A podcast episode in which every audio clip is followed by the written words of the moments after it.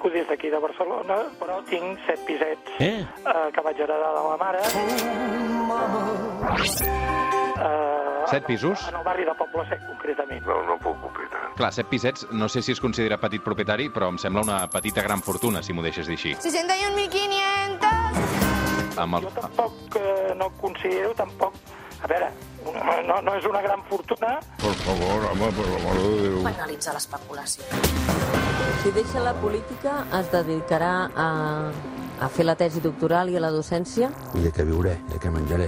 No en tindria prou. Jo sóc una bona persona i ho sap tothom. La setmana tràgica.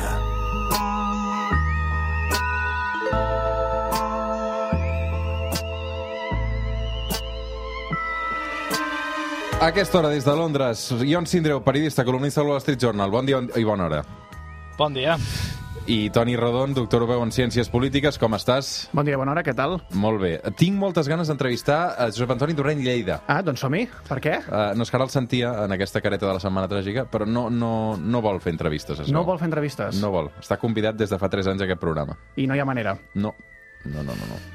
Misteris. L'has pogut entrevistar mai, tu, Ion? No, no, no. No, no. Um, jo vaig tenir només una breu etapa en el periodisme català i no vaig coincidir amb Duran i Lleida. Molt bé. Com va la vida, Ion, per aquí? Bé, pitjor, uh, com sempre, no? Um, sí, sí, cada, cada setmana pitjor. Crec que Ah, divendres, mateix, divendres van doncs, tancar els pubs, sí. no? Efectivament, efectivament. Uh, bé, uh, pots seguir anant a fora, eh, a veure, però ja no pots entrar a l'interior, que jo he de dir que no hi havia entrat mai, per tant, en principi, uh, no és una... No, no, mai des del confinament, eh? I, per tant, no és una gran diferència. Uh, però sí, sí, és, és molest. Ara tornem a estar en el que aquí en diuen la fase 2, que, que és bàsicament el mateix que les altres fases, però no pots anar a l'interior dels pubs. Per tant, no vas aprofitar per agafar una bona ressaca. Uh, vam, anar, vam anar al parc. Ah, bé, com a bona alternativa O està és, bé. és a dir, els pubs tancats, però el botellón permès. Home, botellón és una paraula molt forta, no? Simplement, doncs, eh, de passar l'estona. Molt bé. Uh, en qualsevol cas, uh, evidentment, Catalunya no és una excepció d'aquesta situació que es viuen en molts països europeus, uh, els pitjors. Uh, Holanda està fatal, uh, Bèlgica està fatal, França està fatalíssim, el Regne Unit tampoc està per tirar coets, uh, Madrid està com està, i nosaltres... En fi, anar fent. Uh, avui, per això, intentarem deixar per una estona la pandèmia de banda. Uh, ja ho sabeu, això és la Setmana Tràgica, amb el Leon Sindreu i el Toni Rodon, Economia i Política, amb la dosi justa d'irreverència. Avui parlarem de xarxes socials. És per això que um, us vull preguntar per una cosa que sona així. ¡Hey! ¿Pero qué pasa, chavales? ¿Todo bien? ¿Todo correcto? Y yo que me alegro. ¿Qué pasa, amigos? ¿Cómo estáis? Yo, bien. A veure, avui parlarem dels influencers, d'acord? De seguida m'ajudareu a, a, a intentar definir què és un influencer. Aquest que sentim és un personatge que es diu Auron Play. És, atenció, un youtuber català que parla en castellà, amb dos milions de seguidors a la xarxa, uh, i influencer, en aquest cas, de, de, de YouTube. Um, què és un influencer, Toni, sisplau? Bé, un influencer, en primer lloc, és difícil de definir, perquè quan busques què és un influencer, realment eh, hi ha un, definicions una mica per tots els gustos, no? De fet, aquí potser la millor definició és quan ho contrastem amb el que és una persona famosa, o la, la clàssica celebrity, no? Una celebrity, per exemple, eh, entendríem una persona com una celebrity quan és una persona que ha fet una altra cosa, un actor, una actriu, eh, quan és famosa en un àmbit concret, i aleshores es fa famosa. I aleshores eh, part de la seva activitat diària la dedica, doncs, a altres coses que no són eh, la seva activitat professional principal. En el cas d'influencers, són persones eh, considerades que eh, es fan famoses gràcies al mitjà, és a dir, gràcies a un canal concret, i la seva activitat professional eh, principal es, dedi es basa doncs, en fer quelcom a través d'aquest canal, sigui Instagram, sigui YouTube, etc. Per exemple, per exemple, un altre exemple. Bé, com va?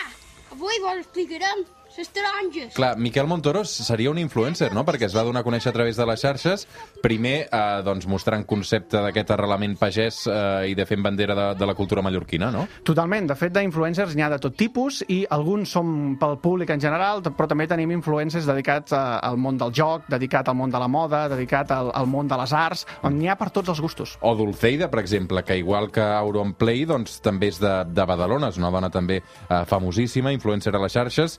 Eh, per tant, eh, Dion, avui posem això damunt de la taula, eh? eh I aquí vull que m'expliqueu sobretot també um, quina viabilitat econòmica té això, no? Perquè aquesta gent entenc que guanya calés, no? Com més seguidors, uh, més calés també poden tenir.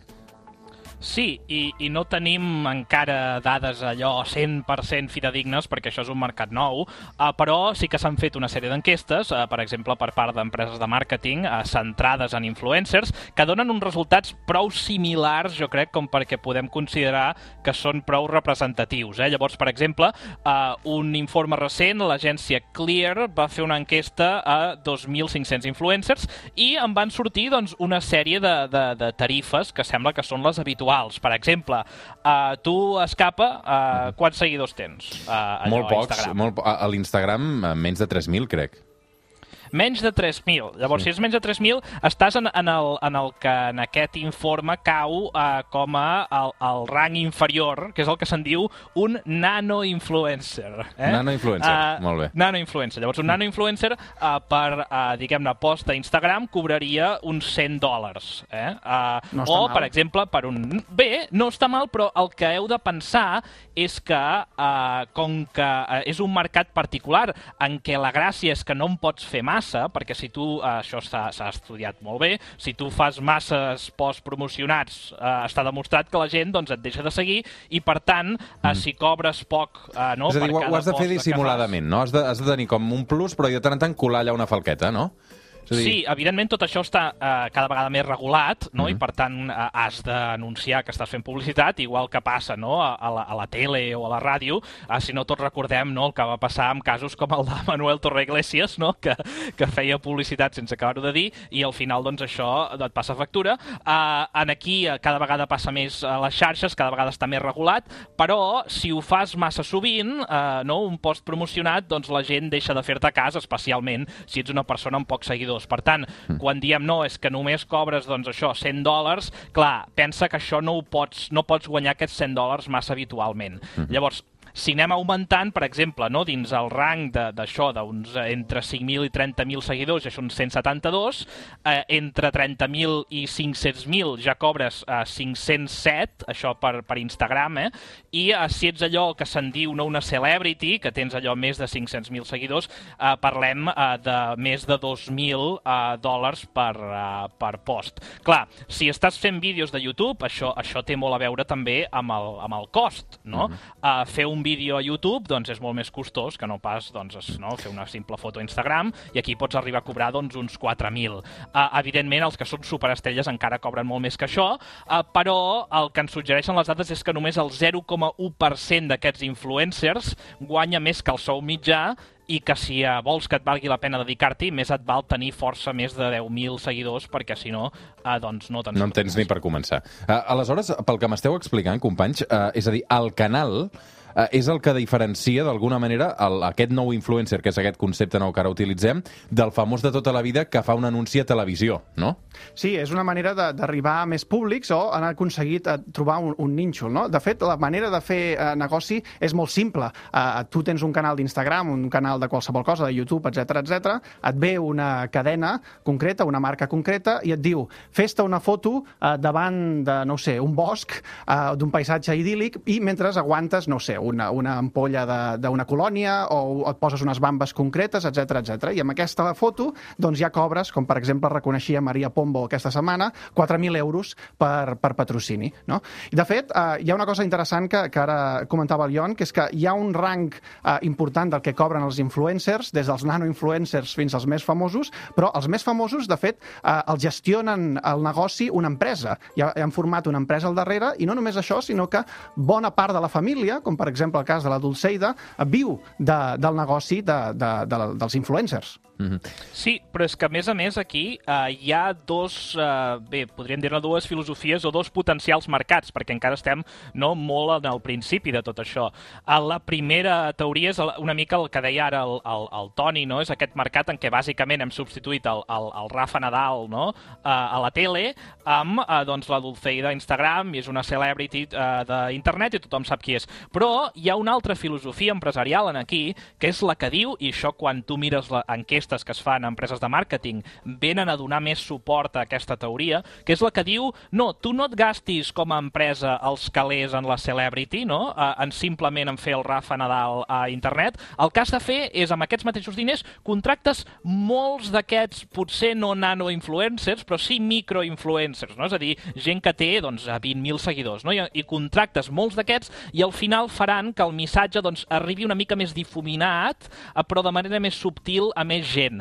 El que passa és que això és una teoria que també ens hem d'agafar una mica amb pinces, perquè, clar, eh, això és una teoria que està molt promoguda per empreses de màrqueting i agències que porten aquests influencers, eh, que tenen, pensem, un incentiu econòmic brutal en vendre la moto de que això funciona, eh, perquè, eh, doncs, eh, com deia el Toni, la Dulceida ja té no, el seu propi entourage en què tu com a empresa pots negociar directament. Si en canvi el que vols és eh, contracta'm no, a 100 uh, microfollowers o microinfluencers d'aquests, uh, clar, aquí sí que ja necessites aquest intermediari, que són aquestes empreses que una mica et volen vendre el número. Per tant, no queda clar què és el que funciona i, de fet, com uh, jo sempre explico en aquesta secció, no? una de, una de les, uh, un dels petits secrets no? del món de l'empresa i l'economia és que el retorn de la inversió de la publicitat sempre ha estat molt poc clar. És a dir, ningú sap exactament quan hi guanyes i no hi ha mètodes gaire exactes de quantificar-ho. Per tant, en aquí seguim estant en un món en què, com que encara és més nou, eh, ja hi ha moltes teories de que això sembla que funciona més que la publicitat normal, de que potser has de contractar molts microinfluencers, però en realitat res d'això doncs, està realment contrastat. Sí, molt d'acord, i de fet hi ha aquí un interrogant eh, relacionat amb el que deia eh, en Ion, que és eh, com podem formar un influencer? Gent que de cop no coneix ningú i de cop es fa, es fa famosa, no? I en un mercat que sembla saturat, de cop sí que et trobes doncs, gent que apareix eh, i que comença a tenir seguidors per un tub, no? Per exemple, podem posar el cas de la Paula Gono, que és eh, graduada en publicitat per la Universitat Pompeu Fabra, eh, que ella va dir doncs, que això no, dels estudis no, no, no havia servit per res, i ara es dedica a fer eh, Instagrams i vídeos dedicats a un sector molt concret eh, de- d'adolescents. Però, per exemple, ara, eh, amb els temps que corren, eh, i amb la pandèmia que hem tingut, clar, els científics, tots els hem anat a buscar i els hem demanat opinió, no? S'han tornat també molt influents a través de la xarxa, no? Uh, és a dir, un científic català diu una cosa a la xarxa i el govern és capaç de condicionar les mesures restrictives que havia anunciat 24 hores abans. Això ho hem vist i ha passat. Home, no sé si comparar-ho amb un influencer, eh? No, no, clar, no el, que, el que vull preguntar és, els científics també els podem categoritzar d'influencers o no? Depèn. El- L'ús que poden fer les xarxes. Hi, hi ha alguns que intenten ser influencers, però en tot cas... Perquè en eh, el fons estan influint sobre la decisió de tot un govern, no? Sí, abs- probablement la, la diferència és que els influencers, o tal com la gent entén influencers, normalment eh, no s'acostumen a posar en qüestions polítiques, com a Mhm. mínim de forma directa. Home, hem vist científics que sí que s'hi han posat. Sí, però els influencers com la Dulceida, la Paula Gono, la, la, la Patri Jordan, tota aquesta gent, no acostuma a dir a govern de la Generalitat heu fet una feina desastrosa o heu fet una feina fantàstica, no? Uh, I en canvi, a l'altra banda, de l'altra banda sí. En tot cas, sí que sabem que quan els influencers decideixen posar-se en política, la seva influència és molt gran, perquè de cop, com que és la primera vegada que ho fan, de cop el seu públic eh, se n'adona doncs, que comença a pensar de forma diferent. I això pot decantar l'opinió pública o fins i tot el vot eh, cap a una banda o a l'altra. Jo, em volies dir alguna cosa? No, no, simplement que, que també potser els governs reaccionen així perquè no han escoltat els científics en privat, no? que és el que potser s'ha de fer primer, i després to, potser veus no? el, el, el post o el tuit i, i, i, i no salten les alarmes, home, potser estaria bé haver-se assessorat millor des del principi. Sobre això que comentàvem, entre posar la diferència entre el que és un influencer del que és un famós de tota la vida que fa un anunci, deixeu-me recuperar això. ¿Qué tal, amigos? Ya son 15 años los que llevo con Kia. Claro. Se dice pronto. Ara. Y mira que yo viajo, Puja, puja. pero jamás me habría imaginado un viaje tan largo y además en coche. Bueno, una Navidad más. Es larga La que verdad que muy Uf. feliz. Ya sabéis lo que se dice. Parla que lo ànims, eh? importante es disfrutar del viaje. Entusiasme. Simplemente quería desearos una muy feliz Navidad. Gracias. Y que el 2020 sea un gran viaje para todos vosotros. Segur que ho serà. Que la salud y la felicidad os acompañen. un, un gran pronòstic, un gran pronòstic, realment. Perquè eh, sabem del cert que, que Rafa Nadal eh, condueix un Kia? Eh, cada, eh, tu cotxe cada dia el de, el de más gente, no? És l'eslògan, vull dir que no diu que ell el porti, es diu tu no, cotxe. No diu eh? cap mentida, de fet. No diu no, cap jo ho dic mentida. perquè, perquè aquí va haver un cas famós, eh, si recordo bé, de, del conseller delegat de Toyota que conduïa un Audi. Clar. Ja tu el, diràs. van enganxar. Això és pitjor, això és pitjor que Joan Clos anant a, a General Motors o no sé on era exactament, eh, que va dir es va equivocar de nom de... Sí, va, va dir que era fort. Exacte, era fort i estava a General Motors, correcte. Uh, no, el que volies preguntar és, això, no? Um, de, de, primer ja m'explicaves tu, Ion, i apuntaves que és impossible desxifrar quin retorn té el fet que, que Rafa Nadal pugui fer un anunci sobre cotxes, no? Um, si realment, si realment uh, els hi surt a compte o no els hi surt a compte. La pregunta que potser sí que podem quantificar és quan pot cobrar Rafa Nadal per fer un anunci com aquest? Sí, sí, sí, és cert. I, uh, I en aquest sentit, doncs, és evident que, com que la fama de Rafa Nadal no, és, és, per, altres, és per altres motius, doncs ell doncs, comanda no, doncs, uh, molts calés en tema de publicitat i és igual no, la plataforma en què, en què s'hi posi. El fenomen de l'influencer és més interessant quan no, és, és generat pel propi internet, com sembla que es ve no, a equiparar el terme més aviat. Uh, però clar, és, és el que deia ara, no? Aquí segueix havent-hi l'altra, la via en què tu apostes com a empresa per gent que ja són famosos a internet versus l'altra idea que és, no, jo agafaré doncs, gent que sense ser famosos, doncs mira, són relativament coneguts, no hi tenen això 10.000 seguidors. Um, el que en canvi és bastant xocant del que hem vist d'aquestes dades és que, i potser no us sorprendrà molt vei- veient com és la majoria de l'economia, però hi ha una bretxa salarial brutal entre homes i dones influencers, perquè tot i que el 77% dels influencers són dones, és a dir, una majoria aclaparadora, eh, resulta que de mitjana eh, només cobren eh, 350 eh, dòlars per, per cada post que fan, mentre que els homes en cobren eh, 459. O sigui que Això aquí hi ha una bretxa, trobar- bretxa salarial descaradíssima, sí. també, aquí. Descaradíssima, descaradíssima, tot i que les dones són la majoria del mercat. Eh? Carai. Uh, la majoria d'influencers són dones. Uh, pensem que uh, tot això es produeix sobretot en el món d'Instagram i de YouTube, sobretot Instagram, eh? l'àrea la, la, l'àrea de creixement és Instagram, uh, mentre que la resta de xarxes socials són molt menys importants, i llavors en aquí la imatge eh, doncs, eh, importa molt i, i, la, i les dones doncs, sembla que, que és un mercat no, en el que doncs, eh, se les encoratja no, a vendre la seva imatge i per tant són majoria. Um, I eh, com a, no és sorprenent que hi hagi aquesta bretxa perquè com a mercat encara laboralment no, poc coordinat, sense sindicats ni res de tot això, doncs eh, malgrat el que diu la teoria econòmica, el poder és molt important a l'hora de determinar sous i les dones doncs, en tenen menys.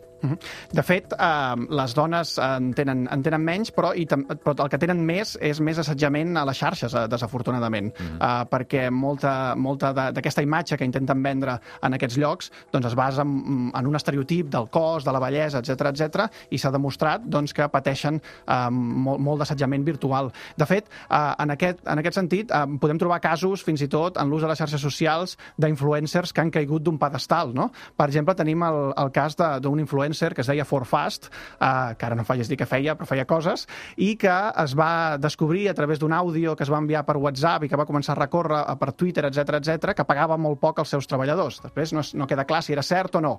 Bé, aquest home va patir molt d'assetjament, fins i tot en el sentit de que la gent anava a casa, a, la, a casa seva, eh, li- l'insultava, eh, li tirava objectes, etc etc. va agafar una depressió, després això va coincidir amb el fet que se li va cremar la casa, bé, una sèrie de cúmuls negatius. Se li va cremar?